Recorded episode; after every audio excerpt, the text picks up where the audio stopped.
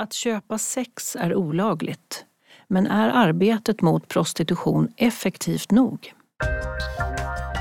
Den svenska sexköpslagstiftningen infördes för drygt 20 år sedan. Då var Sverige det första land i världen som gjorde det olagligt att köpa sexuella tjänster, men inte att sälja dem. Hur arbetar polis och åklagare idag mot köp av sexuell tjänst? Hur fungerar samverkan mellan socialtjänst och polis? Vilka är personerna i de anmälda köpen av sexuell tjänst? Och hur har köpen initierats och genomförts? Finns det koppling till människohandel, koppleri eller människoexploatering? Det diskuterar en panel i det här avsnittet av Snacka om brott special. Avsnittet spelades in vid ett seminarium under Almedalsveckan 2022. Medverkar gör Lina Fjälkegård, utredare vid Brå. Frida Johansson, enhetschef, nationell samordning mot prostitution och människohandel på Jämställdhetsmyndigheten. Samt Simon Häggström, polisinspektör Norrmalmspolisen i Stockholm, specialiserad på prostitution och människohandel för sexuella ändamål. Moderator är Karin Svanberg, enhetschef vid Brå. Stort välkomna till det här Brå-seminariet. Det är det andra av fyra idag som eh, vi idag ska prata om en rapport och eh, den undersökning som för oss till dagens ämne. Nämligen detta med att det är olagligt att köpa sex. Och vi ställer oss frågan, är arbetet mot prostitution effektivt nog? Hur arbetar polis och åklagare mot köp av sexuell tjänst? Hur fungerar samverkan mellan socialtjänst och polis? Vilka är personerna som blir anmälda i de här ärendena? Och hur har köpen initierat och genomförts? Eh, finns det, eller hur stor är kopplingen till människohandel och koppleri och människoexploatering? Och vi har en förträfflig panel som består av Lina Fjälkegård som är utredare på Brå som har skrivit den här rapporten som vi utgår från. Vi har Frida Johansson som är enhetschef, och nu måste jag läsa innantill, det är långt. Nationell samordning mot prostitution och människohandel på Jämställdhetsmyndigheten. Blev det rätt? Det blev rätt. Yes. Och så har vi Simon Häggström, polisinspektör på Norrmalmspolisen och du har jobbat mycket med prostitution och människohandel för sexuella ändamål. Det stämmer också. Bra. Välkomna, jätteroligt att ni är här också. Då sätter vi igång och jag tänker att jag börjar med att fråga dig Lina Fjälkegård lite bakgrund eh, och utgå ifrån. Det är ju drygt 20 år sedan det här förbudet av sexuell tjänst infördes. Lite bakgrund. Vad var syftet med den här lagen och tanken med förbudet då? Eh, ja, men bakgrunden var att man såg prostitution som ett problem eh, i samhället. Både för, för samhället som helhet men också för de enskilda personerna som var inblandade. Och att man ville med en kriminalisering få en, en normerande effekt, att markera att det här är någonting som vi, ja, men som vi ser som ett problem i samhället och genom det eh, avskräcka potentiella köpare av sexuella tjänster. Eh, och att man eh, får strukturera den här lagstiftningen som har gjort att det är kriminaliserat att köpa sexuella tjänster men inte att sälja var just för att man ville ha ett verktyg att arbeta ingripande eh, mot dem som, som begår de här brotten. Då. Men att inte avskräcka personer som i prostitution att söka hjälp och stöd. Just det. Och det här är rätt ovanligt. Var Sverige först ut med en sån här lagstiftning? Ja, men som jag har förstått det så var vi det. Men nu är det några länder som har följt efter. Eh, med ett liknande upplägg. Just det. Kan du berätta lite om det här uppdraget eller den här studien som du har gjort och, och vad ni har kommit fram till helt mm. enkelt? Ja, men det här är ett regeringsuppdrag eh, så vi har ju eh, ja, fått ett tydligt uppdrag från regeringen vad vi skulle göra. Och det omfattade både att studera hur man arbetar inom rättsväsendet, då, då som du sa, hur arbetar polis och åklagare?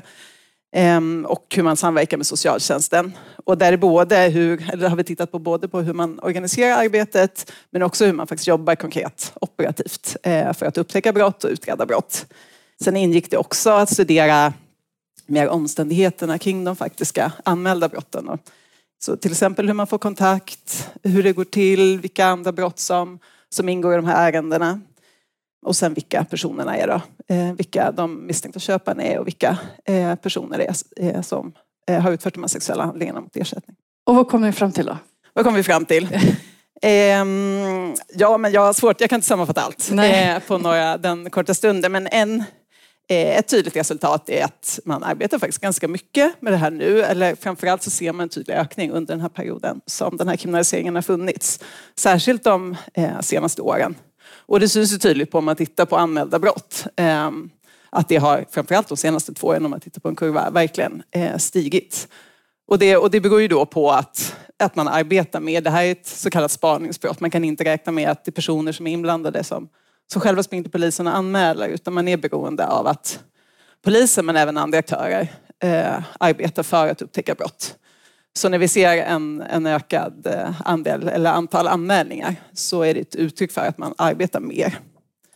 Man, eh, min, man minskar mörkertalet helt enkelt? Ja, precis. Mm. Så kan man absolut uttrycka det. Vi ser också att det varierar ganska mycket över landet. I vissa polisregioner arbetar man mycket mer eh, än andra. Även inom polisregioner så finns det ganska stor spridning hur mycket man jobbar. Så det är ganska beroende av enskilda engagerade medarbetare att man får det här att, att hända. Att arbeta liksom aktivt för att söka upp de här brotten.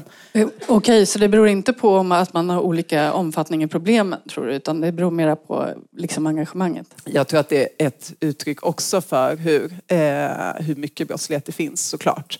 Men, eh, men jag tror också att det handlar väldigt mycket om att det finns medarbetare och eh, ledning och styrning också mot att arbeta mot det här. En annan tydlig del av arbetet är att man jobbar mycket insatsbaserat. Att man har några veckor varje år där man går in och jobbar väldigt aktivt för att söka upp eh, brottsligheten. Och inte då liksom kontinuerligt löpande under året. Hur såg det ut då med det här med kopplingarna till människohandel? Mm. Ja, men det är en, eh, bland våra ärenden, vi har gått igenom ungefär 300 ärenden från anmälan till dom eh, och gått igenom förundersökningsmaterial och även beslut från åklagare och domar. Eh, och utifrån det då försökt avgöra, finns det någon koppling till koppleri, människohandel eller människoexploatering? Och vi har varit ganska strikta där och bara liksom räknat dem där det, där det verkligen funnits en dokumenterad koppling. Och där är det en av fyra som vi ser en sån koppling. Eh, men där är vi bedömningen Både utifrån hur strikta vi har varit men också från de intervjuer vi har gjort med många yrkespersoner som arbetar med de här frågorna att det antagligen är, är betydligt fler än så. Men då gäller ju det de anmälda brotten. För det är också så att polisen i sitt arbete mot köp av sexuell tjänst eh, arbetar väldigt inriktat mot en eh, sexköpsbrottslighet där man ser att det finns en koppling eller stor risk för koppling till människohandel och koppleri. Är, är det rimlig, en rimlig fokusering tycker du? Jo men det tycker jag. Eh, vi pratar om grov organiserad brottslighet där människor utnyttjas väldigt grovt och är väldigt utsatta. Så det är klart att det är rimligt att prioritera det. Men, men det vi lyfter fram i rapporten är också att vi ser ett behov av att man också breddar verksamheten för att det pågår sexualbrottslighet eh, på betydligt fler arenor då än... Vad är det för arenor då? Ja, men det är till exempel andra, för nu i det här uppsökande arbetet med man ser koppling till koppleri och människohandel så inriktar man det uppsökande arbetet väldigt mycket mot så kallade eskortsidor som är liksom öppna webbplatser där man eh, ja, men det är det. Öppna annonser där människor liksom säljs ut eh, väldigt öppet eh, med telefonnummer. Man kan ta, bestämma kontakt och bestämma en typ av handling och ersättning. Och, ehm, och där man bedömer att det finns ja, men mycket kopplingar då till eh, internationell organiserad brottslighet.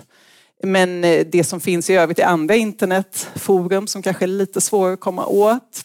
Det är 20 dejtingsidor nämns ju mycket men det finns även andra internetforum. Ehm, men sen andra grupper... Ska du förklara kanske, alla kanske inte vet vad 20 dejtingsidor 20 dejtingsidor är en ja, vad ska man säga om sugardejtingsida, en, en typ av eh, webbplats som dels kräver inloggning men där som marknadsförs i många delar som någonting glamoröst och fint där man kan eh, båda vinna någonting på att få kontakt, att, genom att träffas och dejta och eh, en person, ja, men ofta en, en ung, vacker, åtråvärd, ofta kvinna eh, som kan träffa en äldre, välbärgad man. Träffas. Men vi pratar massagesalonger, pratar man mycket om. Eh, men det finns också många utsatta grupper, till exempel eh, alltså ensamkommande, unga, särskilt utsatta migranter eller andra utsatta migranter genom som också kanske exploateras genom tiggeri. Just det. Som man, kanske, som man inte kommer gå åt riktigt på samma utsträckning. Om man, om man, om man, om man fokuserar på... På de här ah, öppna okay. platserna mm, som, vi ser, som vi ser i vårt material att man gör mm. väldigt mycket då. Mm. Sen verkar förlåt, Nej, nej ja, absolut. Eh, som att arbetet just mot massagesalonger är någonting som har eh, vi inte ser riktigt i vårt eh, material när vi har kollat på anmälda brott, men som man ser har eh, också verkar ha intensifierats den senaste tiden. Och där ser man ju också stora, eh, stor risk för kopplingar till organiserad brottslighet, Okej. koppleriverksamhet. Okej, och hur ser man det då om ni inte ser det i materialet? Nej men det har vi förstått genom intervjuer. Ah, eh, okej. Som är lite mer Mm. Ja, vi kommer kanske till det lite här senare. Men eh, den stora frågan är då, tjänar den här lagen sitt syfte? Alltså eh, den här utgångspunkten som var normerande och det du sa, är den det nu då? Men jag tycker det är, alltså, vi har inte haft i uppgift att eh, utvärdera lagens varande eller inte. Eh, men det beror ju lite på hur man ja, men vänder.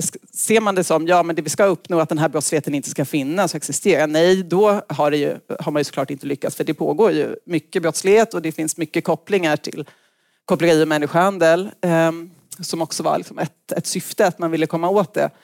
Men eh, samtidigt så så vet jag inte om man kan säga att en, en kriminalisering är fel för att brottsligheten existerar. För det har vi ju massor med lag, massor beteenden som kriminaliserade för att de fortsätter pågå. Så att, liksom, jag vet inte om den frågeställningen blir ofta lite felställd egentligen, Just det. tycker jag. Just det. Man, man kan inte förvänta sig att Man kan eh, inte förvänta sig att vi försvinner. kriminaliserar någonting och då försvinner Nej, nej, det. Eh, utan det är mer att, att det ska ge verktyg att Mm. arbeta mot det. just det. Och då var väl det en fin övergång till Simon. Jag tänkte fråga, du har jobbat med den här brottsligheten i, är det 15 år kanske längre? Ja. Ungefär, ja. Eh, vad säger du om det här resultatet från eh, rapporten? Jag tror att du har ögnat igenom den också. Vad, stämmer det med det som, Eh, som... Känner du igen det? Kan du berätta lite? Mm, ja, till att börja med måste jag bara få kommentera det som ni sa på slutet här om, om sexköpslagen fyller sin funktion. Va? Och, då, och då måste vi bara lyfta blicken lite grann. Åk till Österrike, åk till Schweiz, åk till Nederländerna, åk till Tyskland och sen åk tillbaka hit. Eh, då förstår man att jo, den fyller ett, en stor funktion. Vi har fortfarande stora problem men det går inte att jämföra med de länderna som inte har en, en kriminalisering. Men eh, rapporten ja, precis. Jo, det produceras ju en mängd olika rapporter på det här brottsområdet till höger och vänster. Och, men det här var faktiskt, om jag ska vara helt ärlig, så var det faktiskt en, en rapport här som jag kände, där jag kände igen mig väldigt mycket. Både i den så att säga, kritiken som framförs, där, vad som kan förbättras och så vidare, men också det som, det som faktiskt fungerar. Och också de här skillnaderna som vi ser runt om i, i landet, att vissa regioner jobbar mer än andra. Ehm, så att, eh, Instämmer du då i den här eh, lite grann slutsatsen att det kan bero på Alltså det inte bara beror på omfattningen av brottsligheten utan också en inställningsfråga, en attitydsfråga. Om man, Oh ja, oh ja, det har funnits ett stort motstånd inom polisen på vissa håll att börja jobba med de här frågorna. Eh, Backar vi bandet eh, då 15 år när, jag började jobba med det här, då mötte vi ett stort eh, motstånd även, även i Stockholm. Eh, och, och liksom, och jag, har varit, jag har varit på fyra år på nationella operativa avdelningen och runt just och hållit sådana här insatsveckor. Och på, på vissa ställen har, har det varit ett, ett, ett väldigt motstånd och är fortfarande. Så att, och, och det är det som är så intressant. Va? Du kan ha en, en polischef på en polisstation som tycker att oj, det här är en viktig fråga och prioriterar det. Sen så går den chefen vidare till en annan tjänst och så kommer en ny chef som tycker inte det här är inte viktigt alls. Och, och så liksom läggs den här brottsligheten åt sidan helt och hållet. Så att det är väldigt individburet. Eh, och, och, och, vilket man, man kan ju förstå om det är motiverat för att man ser att annan brottslighet liksom är att, att man prioriterar utifrån hur brottsligheten ser ut. Men det här, du menar alltså att det beror på en inställningsfråga? Nej, man gömmer ju sig givetvis bakom det argumentet. Men det är ju, det är väldigt, alltså jag kan ju tycka, nu kanske jag går ut på djupt vatten här. Jag kan ju tycka att det är väldigt märkligt att det, det är brott mot kvinnor och barn som alltid ska få stå till sidan. Eh, när liksom vi har kriminella som skjuter ihjäl varandra på något sätt som är inne i den här världen och liksom, ja, spelets regler på något sätt. Eh, och, men, men de som är oskyldiga, alltså kvinnor och barn som inte har gjort någonting för att hamna här annat än att befunnit sig i en stor utsatthet. Det är de som ska få betala priset och det kan störa mig enormt mycket. I den bästa av världar, hur, hur skulle du säga att det här arbetet, eller arbetet mot den här brottsligheten skulle bedrivas? Ja, hur det ska bedrivas? Jag tycker att vi... Eh, jag har haft förmånen att, få resa runt mycket i Europa och träffa kollegor som jobbar med det här. Och när jag pratar med dem så säger jag att vi har ju verktygen. Vi har en sexköpslag. Vi har också något som vi ska vara oerhört tacksamma för, vår kopplerilagstiftning. Vi, eh, som har liksom en nolltolerans mot alla de som ligger bakom och organiserar detta. Så verktygen tycker jag vi har. Men det som vi ju hela tiden fallerar kring är ju resursen. Precis som, som Lina var inne på är det här ett, ett spaningsbrott. Vi, jag menar, vi har ett an, bara, bara förra veckan grep vi tre hallickar som sitter häktade nu. Och, och, och liksom det blir en enorm ansträngning för utredningsorganisationen som ska ta hand om detta. Bara för vi är inte så hur många. lång tid tar det innan man har sätter dit en hallick? Ja, ja, att sätta dit en hallick, det, det tog inte lång tid. Men förra grova koppleriet vi hade, där satt ju hallickarna häktade i ungefär ett år. Innan rättegång. Va? Så det är ju en enorm utredningsmaskin som, som, Som sätts drar igång. igång när ja, det- ja, och, och det är en, sett till mycket annan brottslighet så är det ju väldigt, väldigt få. Eh, en liten resurs som avdelas för detta. Va? Och, så det är det, vi behöver bli fler. Och nu har det talats om det här med en ny straffskala. Vad säger du om det? Det behövs det? Ja, alltså... Eh, jag tror så här, vad gäller sexköpslagen, det, det, det stora... Många, många hänger ju upp sig vid de här 50 dagsböterna. Att man får böter för att begå den här typen av brott. Jag har alltid sagt att, att, att det stora straffet är, är inte böterna utan det är skammen. Eh, det, det är ju ett enormt, jag menar vi har ju till och med haft enskilda ärenden där män har tagit livet av sig efter att bli, bli, blivit tagna av oss. Eh, Jag tror väl så här att, jo men det, det är en rimlig väg att gå såklart. För man ska inte komma undan med att, att få betala böter och, och utnyttja en, en, en människas kropp i, i de här sammanhangen. Men jag tror också att man måste våga problematisera kring, för det, det är så lätt när det här liksom hårdare straff, det finns, också, det finns två sidor hela tiden. Eh, det kommer kanske inte alltid i alla lägen underlätta för oss ute på fältet att tillämpa lagstiftningen lika effektivt som vi kan göra nu. Eh, men jag tror ändå att det är rätta vägen eh, framåt att gå. Sen så kan jag tycka så här, Ja, att ta bort böter ur straffskalan, det här kommer ju resultera i en villkorlig dom istället. Alltså det kommer inte bli eh, så jättestor skillnad tycker jag. Om man på riktigt hade menat att det här är någonting som vi ser allvarligt på och det här accepterar vi inte i, i samhället, då tycker jag att det skulle vara i så fall minst sex månaders fängelse. Då, då hade det liksom funnits någonting att förlora. Eh, nu, nu tror jag att, vad gäller antalet sexköpare så tror jag att det kommer inte bli så jättestor skillnad. Okej. Kan du berätta lite om vad du möter i din vardag? Liksom, vi- den här utsattheten som, som Lina berättar om. Vem är, vem är liksom människan bakom det här brottet och, och vem är offret? Ja, vi möter ju såklart en extrem utsatthet. Eh, precis som Lina varit inne på så fokuserar vi ju mycket på de så kallade eskortsidorna. Eh, och på de här eskortsidorna så är det ju företrädelsevis den utländska gruppen som håller till. Eh, kvinnor från Nigeria, Rumänien, Ukraina, Colombia och så vidare. Och, de kommer ju från extremt utsatta förhållanden. Där man har, eh, dels så har man den här extrema fattigdomen att förhålla sig till. Där hela försörjningsbördan ligger på ens axlar mot ens familjer. Eh, och det är därför det är en så väldigt svår målgrupp att hjälpa också. Eh, men sen i kombination med det så har man ju enorma trauman med sig i bagaget i form av eh, övergrepp på alla möjliga sätt. Så att det är en, en, ett enormt mörker som jag tror är omöjligt att föreställa sig om man inte har, har varit i detta. Va? Och det är ju inte bara mötet med den enskilda sexköparen som är ångestfyllt, utan det är ju allt runt omkring. Rädslan, alltså att befinna sig i ett helt främmande land. Rädslan för polisen.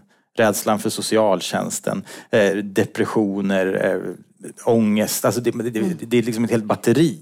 Hur känd, hur känd är vår lagstiftning och den möjlighet till hjälp man kan få bland de som säljer sex?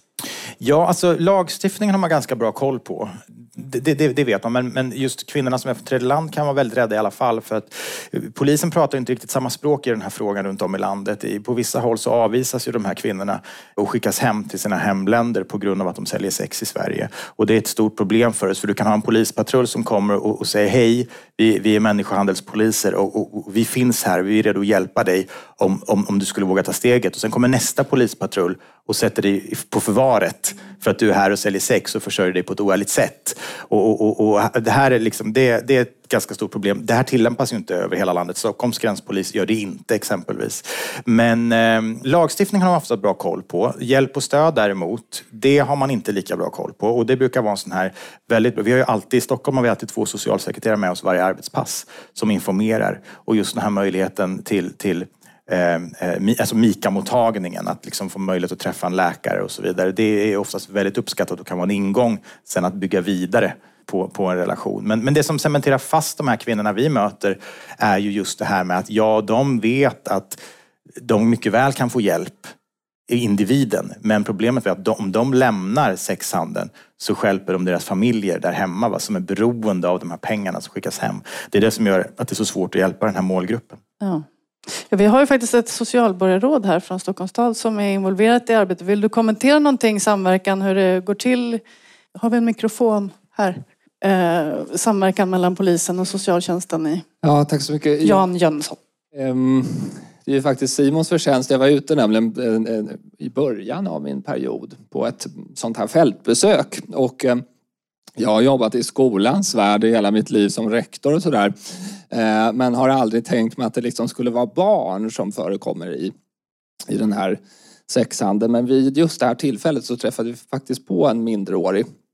Eh, och eh, det var lite av en chock och sen när jag liksom förstod hur många barn vi dessutom träffar på så tänkte jag att det här måste vi väl ändå jobba ganska mycket med och förstod då att nej, vi gjorde ju 2019 alltså någon insats i månaden kanske. Och då har ju ändå Stockholms stad en hel liksom, eh, stödverksamhet för personer i prostitution och även för de som köper sex. Eh, och då bestämde jag att så här kan vi liksom inte fortsätta så att vi började jobba med att upprätta ett samarbetsavtal mellan socialförvaltningen och eh, polisen i Stockholm och det skrev vi på Eh, förra eh, våren. Och sen dess så har ju det här lett till enorma eh, framgångar får man faktiskt säga därför att nu gör vi ju flera insatser i veckan. Polisen har bemannat upp med ni är två stycken, ni ska bli tre. Eh, vi har socialsekreterare som är med ut på de flesta passen. Och det är ju både då riktat till barn och ungdomar men också till eh, vuxna eh, sexköpare. Och ehm, vi gör, har fått tag på en väldig massa sexköpare men också hittat väldigt många fler utav de här minderåriga som jag har tyckt varit väldigt viktigt att vi får ut ifrån det här så fort som möjligt. Just det. Så då skulle man kunna, jag tänker på det här faktumen att det är en prioriteringsfråga. Att det finns en möjlighet bland kommuner som tycker att det här är en viktig fråga att jobba med att liksom trycka på polisen att göra ett samverkansavtal eller så. Det är liksom en, en väg att gå för att få polisen att kanske lyfta den här frågan på i prioritet. Tror du det stämmer? Ja, det tror jag verkligen stämmer och delvis så har väl det lite också att göra med det som Simon var inne på att, att inom delar av poliskåren så finns det en, har funnits en attityd i alla fall att det här är inte en polisiär fråga utan det här får socialtjänsten sköta. Problemet är ju att socialtjänsten har ingen möjlighet att bedriva den typen av spaningsarbete som man behöver göra på olika sajter. Man kan inte heller gå fram till de här unga personerna för de här måste man ju liksom locka fram för de säger ingenting hemma, de säger ingenting till liksom kuratorer eller andra. Eh, och då blir polisen så oerhört avgörande. Eh, men när de väl är med på tåget så, eh, så ser man ju att det här är ju verkligen ett arbete som vi måste göra ihop och eh, vi hoppas ju nu att vi ska få socialsekreterarna placerade på polishuset så att vi kan jobba ännu mer ihop. Just det. Det någonting som vi pratar ofta om på Brå, att eh, kommun och polis behöver samverka i en massa frågor, rättspolitiska frågor. Får jag bara komma med en Ja, eh, kommentar? För vi har eh, skrivit två rapporter kring det här regeringsuppdraget. Med en med fokus på köp av sexuell tjänst, alltså när man betalar eh, för sexuella handlingar med vuxna personer. Och så finns det en annan rapport om just utnyttjande av barn genom köp av sexuell handling. Eh, som, och det är ganska, en annan typ av arbete som polisen behöver göra och där problembilden också ser. Alltså förbättringspotentialen är någonting annat också än en del Vad, är det för tidigare. annat de behöver göra då? Nej, men jag tror vi ska, vi ska släppa in eh, Frida också. Nej, men där handlar det om att jobba, att öka, jobba mer helt enkelt. Att vi inte ser att man jobbar tillräckligt mycket överhuvudtaget. Vi ska absolut släppa in Frida. Vi gör det nu. Från Jämställdhetsmyndigheten. Utifrån er verksamhet då med prostitution och människohandel. Vilka är dina reaktioner på den här studien? Vad tänker du när du läser den? Ja, nej, men först konstaterar jag att det är en väldigt gedigen utredning och ett stort material som har gått igenom och jag tror att den kommer vara väldigt värdefull i arbetet framåt med den här frågan. Eh, innan jag började på Jämställdhetsmyndigheten så jobbade jag många år som åklagare i Göteborg med just den här typen av ärenden. Eh, så att jag känner igen mig i mycket av det som, som beskrivs i den här rapporten helt enkelt.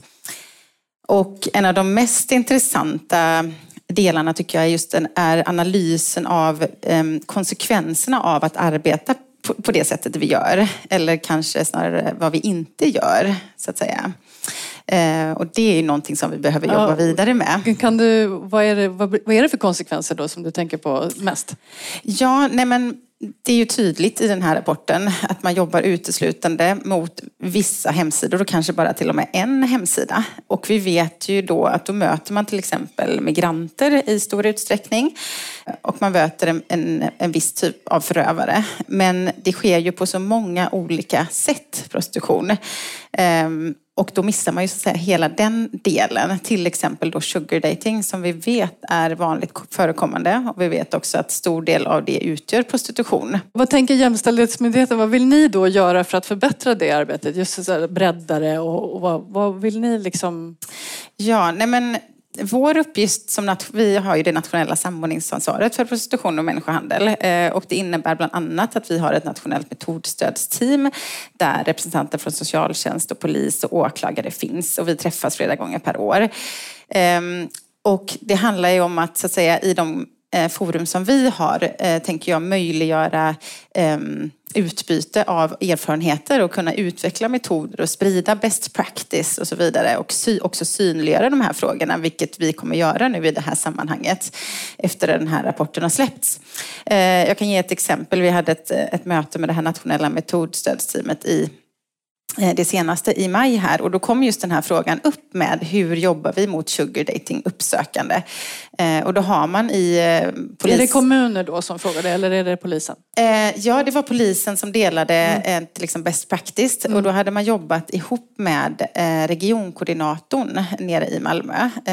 Jämställdhetsmyndigheten samordnar regionkoordinatorer mot prostitution och människohandel och det är liksom experter på området som sitter på lokal socialtjänst då man eller en region. Och där hade man gjort uppsökande arbete ihop eh, då med polisen eh, som varit väldigt framgångsrik i att hitta unga. Eh, det behöver ju inte vara personer under 18 men ändå unga vuxna då. Och man delade med sig av den här erfarenheten till andra poliser och andra som var där då. Mm. Och följer ni upp det då så att det händer någonting på de andra ställena och det blir prioriterat i polisen och så? Ja, jag önskar att vi kunde få polisen att, att göra det genom vår nationella samordning. Men, eh, nej, men det handlar ju om att sätta fokus på frågan eh, mycket. Givetvis, för jag håller ju med. Det här måste, behöver ju prioriteras. Det handlar om prioriteringar. Till delvis resurser, men också prioriteringar. Vi vet att eh, det här ska ju ner på lokalpolisområde så att det blir ett brott som inte liksom en eldsjäl jobbar för och som du säger när den försvinner eh, så, så försvinner frågan. Så kan vi ju inte ha det. Eh, och där tror jag att det behövs fortfarande ganska mycket utbildning. Och Men det är ju något som vi erbjuder. Vad tror du om den här potentialen i att, att det är kommunen som driver på arbetet och försöker sluta samverkansavtal med, med polisen? Och... Mm, men jag tror det är otroligt positivt. Eh, vi har försökt sprida det här, eller vi håller på och sprider det här. Vi, jag träffade eh, ett antal socialtjänstchefer för alla regionkoordinatorer i landet. Och då var det med en representant från Stockholm som just drog det här ja, hur, hur, man arbetar helt enkelt. Och det är många som är intresserade av det. Och jag vet att vi också fått en, en del kommuner som åker på studiebesök, vet jag, till er för att lära er av det här. Och det handlar ju dels om att sätta det liksom i, i sitt sammanhang, att man arbetar med hela frågan och också arbetar förebyggande. Det liksom inte bara blir, det är otroligt viktigt. Hur gör eh, man det då? Hur förebygger man det? Ja, det, det, den som kunde svara på det, det är ju ingen enkel fråga som du förstår. Och, eh, utsattheten kan ju ha väldigt många, om vi tittar på den utsatta först, väldigt många olika orsaker som man måste arbeta emot. Ehm, men ehm, jag kan säga på det området då ändå att, att vi kommer ehm, det finns väldigt få utvärderade metoder hur man arbetar förebyggande. Eh, och vi håller på med det sista nu med en litteraturöversikt, en ganska omfattande, där vi har tittat på internationellt på vilka metoder som finns. Och den kommer komma till hösten, i början av hösten. Ja. Eh, men det är ju inga revolutionerande slutsatser, det är så att det bara går att plocka en metod, helt enkelt. Eh, men det handlar ju om att arbeta tidigt eh, med våldsförebyggande arbete. Att, att förändra normer och värderingar eh, i skolans jag värld. Att finns det inte en efterfrågan så jag menar, man kunde ja, få bort den. Precis, och där tänker jag att det nya ämnet eh, i den nya sexualundervisningen i skolan har en otroligt viktig eh, roll att fylla. Bra, jag tänker att vi ska släppa ordet fritt för lite frågor. Jag tror att ni är fulla av frågor, är det inte så? Hej, tack. Eh, Kalle Röcklinger, RFSU. Jag vet inte riktigt, så jag tror att jag bara slänger upp frågan och så får den som känner sig manad haka. Jag skulle vara intresserad av att höra er resonera lite grann kring för och nackdelar kring det här med att ge automatisk målsägarstatus till den som har sex mot ersättning. Vad ni ser för möjligheter men också vilka risker det finns med det. Jag kan börja lite. Mm. Lina Fjälkegård. Så jag kan bara säga för de som inte liksom, har koll på, på läget så är det målsägande status, ja men det är den rättsliga status man har under förundersökningen och brottsmålsprocessen. Man kan vara målsägare, man kan vara vittne, man kan vara misstänkt och, och olika roller i den här processen. Eh, och som det är nu eh, så har man inte automatiskt eh, status som målsägare eh, om man är den som har genomfört sexuella handlingar mot ersättning i de här ärendena. Och vi har också tittat på det. Ehm, och en av tio i våra ärenden så har man målsägarstatus men eh, då är det ofta för att det har varit något annat brott också där man har, som har gjort att man har fått den statusen. Eh, sen har vi haft ett tilläggsuppdrag och titta på ja, men vad finns det för för och nackdelar om man skulle göra det här. Ehm, och det vi ser, ja, det finns både för och nackdelar. Eh, och fördelarna är väl framförallt att det Eh, ja, men man får en, en bättre liksom, status, en bättre position, man har rätt till information under förundersökningen, man kan få målsägande beträde, man kan få skadestånd, man har rätt till liksom särskilda eh, riskbedömningar, man ska ha rätt till ett särskilt skydd och man kan eh, ibland få rätt till vilken förundersökningsledare det ska vara och så vidare. Alltså, det finns en, en rad rättigheter. Man får också, om man får brottsofferstatus har man också bättre möjlighet utifrån socialtjänstlagen att, eh, att få stöd. För nu så kan det bli lite att de här personerna hamnar mellan stolarna. Eh, för att man, ja, man inte, ja, det är inte riktigt våld mot kvinnor i alla kommuner ses inte Eh, som det och man är inte brottsoffer och så. Men sen så finns det också vissa eh, problem. Eh, och det vi, ja men dels att det kan påverka lite hur, hur man kan jobba, eh, hur polisen kan jobba. Som det är nu så, så är det i de flesta fall så inväntar man, om man inte ser att det finns någon särskild risk så inväntar man att brottet blir fullbordat när man arbetar enligt den här liksom, eh, vanligaste metoden. Eh, för att gripa efteråt och få ett erkännande och det blir liksom ofta en väldigt effektiv utredningsprocess av det och lätt att få personer, eller lätt men ja, förhållandevis lätt att få personer lagförda. Eh, och det är möjligt att man inte skulle kunna jobba på samma sätt. Eh, men sen ser vi vissa mer teoretiskt juridiska svårigheter Eh, och där handlar det om skyddsintresset bakom eh, den här lagen. Som det är nu så är det delat mellan det allmänna och eh, den personen i prostitution i teorin är det delat men i praktiken har det blivit mer det allmänna. Och då tror vi att det skulle, då skulle det här förskjutas, att i huvudsak är den prostituerade som ska skyddas av den här lagen. Och då ger det också henne ett, liksom andra, med den förskjutningen får också andra konsekvenser. Eh, för som det är nu så är det ju då att eftersom den prostituerade inte, bara hon som ska skyddas, så är det inte heller hennes, då förfogar hon inte över skyddsintresset. Kan man säga. Så det gör att även om hon samtycker till en sexuell handling så kan den fortfarande vara brottslig för att hon skyddar inte allmänhetens intresse. Oj, oj, Men om det, det här skulle förändras, nu blir det juridiskt krångligt. Om det här skulle förändras så tror vi att det kan bli en, en rad konsekvenser som är lite svåra att överblicka nu. Det blir teoretiskt och att eh, man behöver utreda det mer. Nu tog jag kanske hela svaret, mm. förlåt. Men det är ju så himla intressant. Ja. Det är en jätteintressant fråga. Fyll på gärna. Ja, nej men tack för frågan, för det är en väldigt intressant fråga. Och eh, ni har ju påbörjat en analys liksom, av det här och konstaterat att det är komplext, verkligen. Det handlar liksom om lagstiftning, det handlar om hur brottet utreds och kostnader och så vidare. Eh, men vi ser ju gärna att, att frågan utreds ytterligare för den är ju otroligt viktig. Och några av de viktigaste delarna är ju att man får just ett målsägandebiträde som målsägande. Eh, det skulle innebära helt andra förhör, att man inte har förhör på plats bara utan man faktiskt får komma med någon som biträder en själv och kan stötta en själv till ett förhör. Och eh, som gammal åklagare så är jag övertygad om att de förhören som sker där är bättre och mer liksom, omfattande så man får med fler så, eh, delar. Men en annan också aspekt som ju är otroligt central, som jag tycker att man kanske hade önskat att det funnits med i, i den här rapporten, eh, det är ju liksom en diskussion om bakgrunden till våldet och kontexten som det sker i. Enligt det sjätte jämställdhetspolitiska delmålet så ska mäns våld mot kvinnor upphöra, som ni säkert vet. Och det våldet, det inbegriper ju prostitution och människohandel.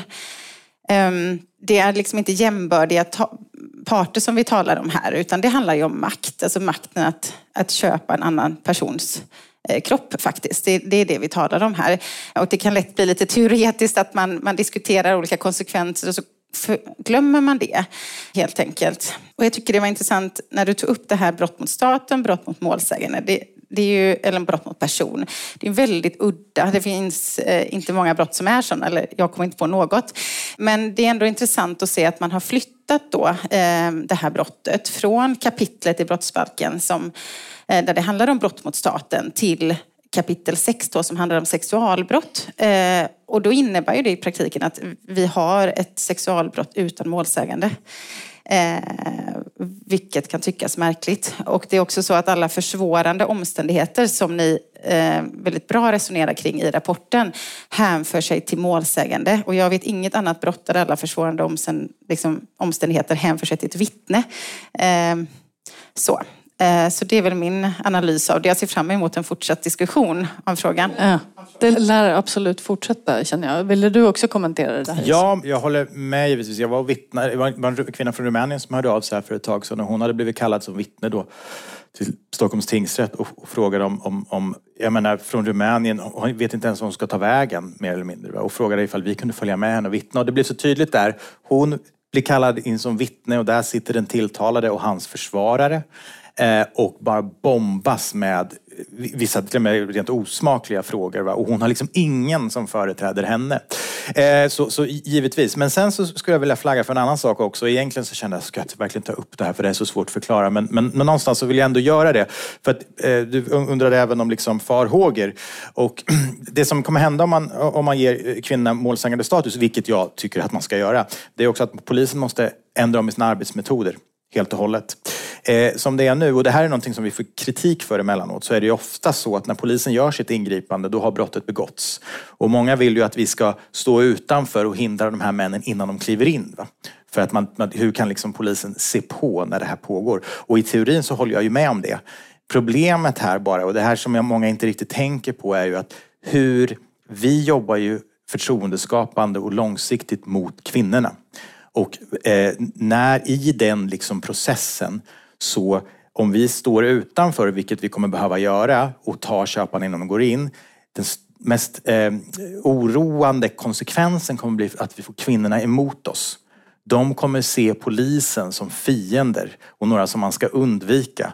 Eh, och, och, och, det är någonting som jag tycker, det kommer bli väldigt problematiskt för oss i, i verkligheten. I teorin däremot, så självklart, jag håller med om att polisen borde egentligen ingripa innan och ja, de ska ha målsägande status och så vidare. Men när man väl står där klockan 02.30 mitt i natten och, och tar eh, tre köpare på liksom löpande band som inte, får, som inte går in till kvinnan, hon får inte sina pengar. Vad händer när hon går därifrån? Jo, hon måste liksom sänka sina krav på vilka hon tar emot. Kanske måste sänka sina priser. Hennes hallika kommer säga, hallå, du har inte du har inte haft en enda köpare idag. Du måste jobba ännu hårdare och så att säga hennes utsatthet riskerar att bli ännu större. Och det perspektivet måste man bara ha med sig, tänker jag, i den här diskussionen. För den är väldigt komplex och svår och riskerar att drabba den enskilda kvinnan också negativt. Ja, det är komplext hörni. Är det någon mer fråga vi hinner ta innan vi ska avrunda här borta? Lars Strömman heter jag, jag är politisk redaktör på Nerikes Allehanda. Du beskriver Simon hur poliser gör väldigt, polis Alltså, eh, det görs väldigt olika prioriteringar av den här frågan och vitsen med polisreformen 2015 var ju precis att det inte skulle bli så. Vad, är det, vad beror det här på? Beror det på att det finns eldsjälar i vissa polisdistrikt men inte i andra? Är det en dålig polisledning? Vad är det för något? Ja, jag vill nog eh, påstå, nu, är det ju mina högst personliga reflektioner ska jag väl säga, eh, det här är ett brott som är väldigt eldsjälsdrivet skulle jag vilja påstå. Jag tycker mig kunna se samma sak även inom socialtjänsten. eller också på strategisk nivå, att det är väldigt många eldsjälar vi har. Och så ska det ju egentligen inte vara. Va? Men, men så är det. Och, och, jag har ju kontakt med kollegor över hela, över hela Sverige. Och jag, jag, har, jag har en kollega som heter Per Englund. Han har jobbat i säkert 20 år med den här problematiken och han tycker, jag tycker han sammanfattar det väldigt bra. Va? Ska man jobba med människohandel då måste man tycka om att jobba i motvind. För det är motvind på insidan och det är motvind på utsidan. Va? Så att det är nog en kombination. Men det är ju hela tiden det här att det här brottet har en förmåga att bli liksom eh, ställt åt sidan för allt annat som, som är liksom viktigare. Så även ifall man från politiskt håll och, och så vidare, för det har man ju sagt i alla år att det här är oerhört prioriterat, så liksom slår inte det igenom. Jag menar, vår omorganisation 2015, vad gick den ut på? Jo, att vi skulle bli färre specialister och alla ska kunna allting. Men, men det vet vi i synnerhet den här frågan att här behövs specialistkompetensen mer än någonsin annars. Hur man ska liksom jobba och driva ärenden och, och, och liksom kunskapen som behövs bakom. Så att jag, jag tror, samtidigt så är det viktigt att säga, eh, och det är att det har blivit så mycket bättre. Det, det är ju svårt att se det, men om jag backar 15 år och liksom, då vi kunde få rena ifrågasättanden. Varför ska polisen jobba med horor?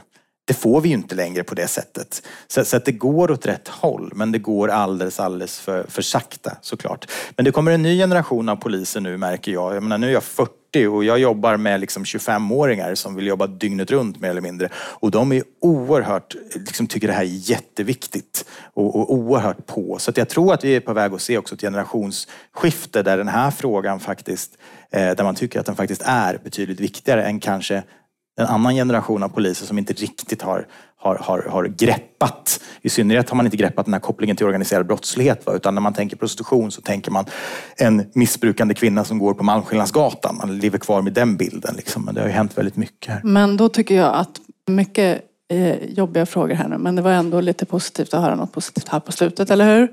Det har blivit så mycket bättre. Så vill jag tacka panelen jättemycket. Tack!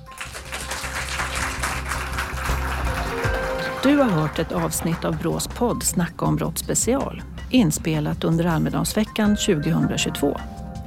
Medverkade gjorde Lina Fjälkegård, utredare vid Brå, Frida Johansson, enhetschef, nationell samordning mot prostitution och människohandel på Jämställdhetsmyndigheten, samt Simon Häggström, polisinspektör Norrmalmspolisen i Stockholm, specialiserad på prostitution och människohandel för sexuella ändamål.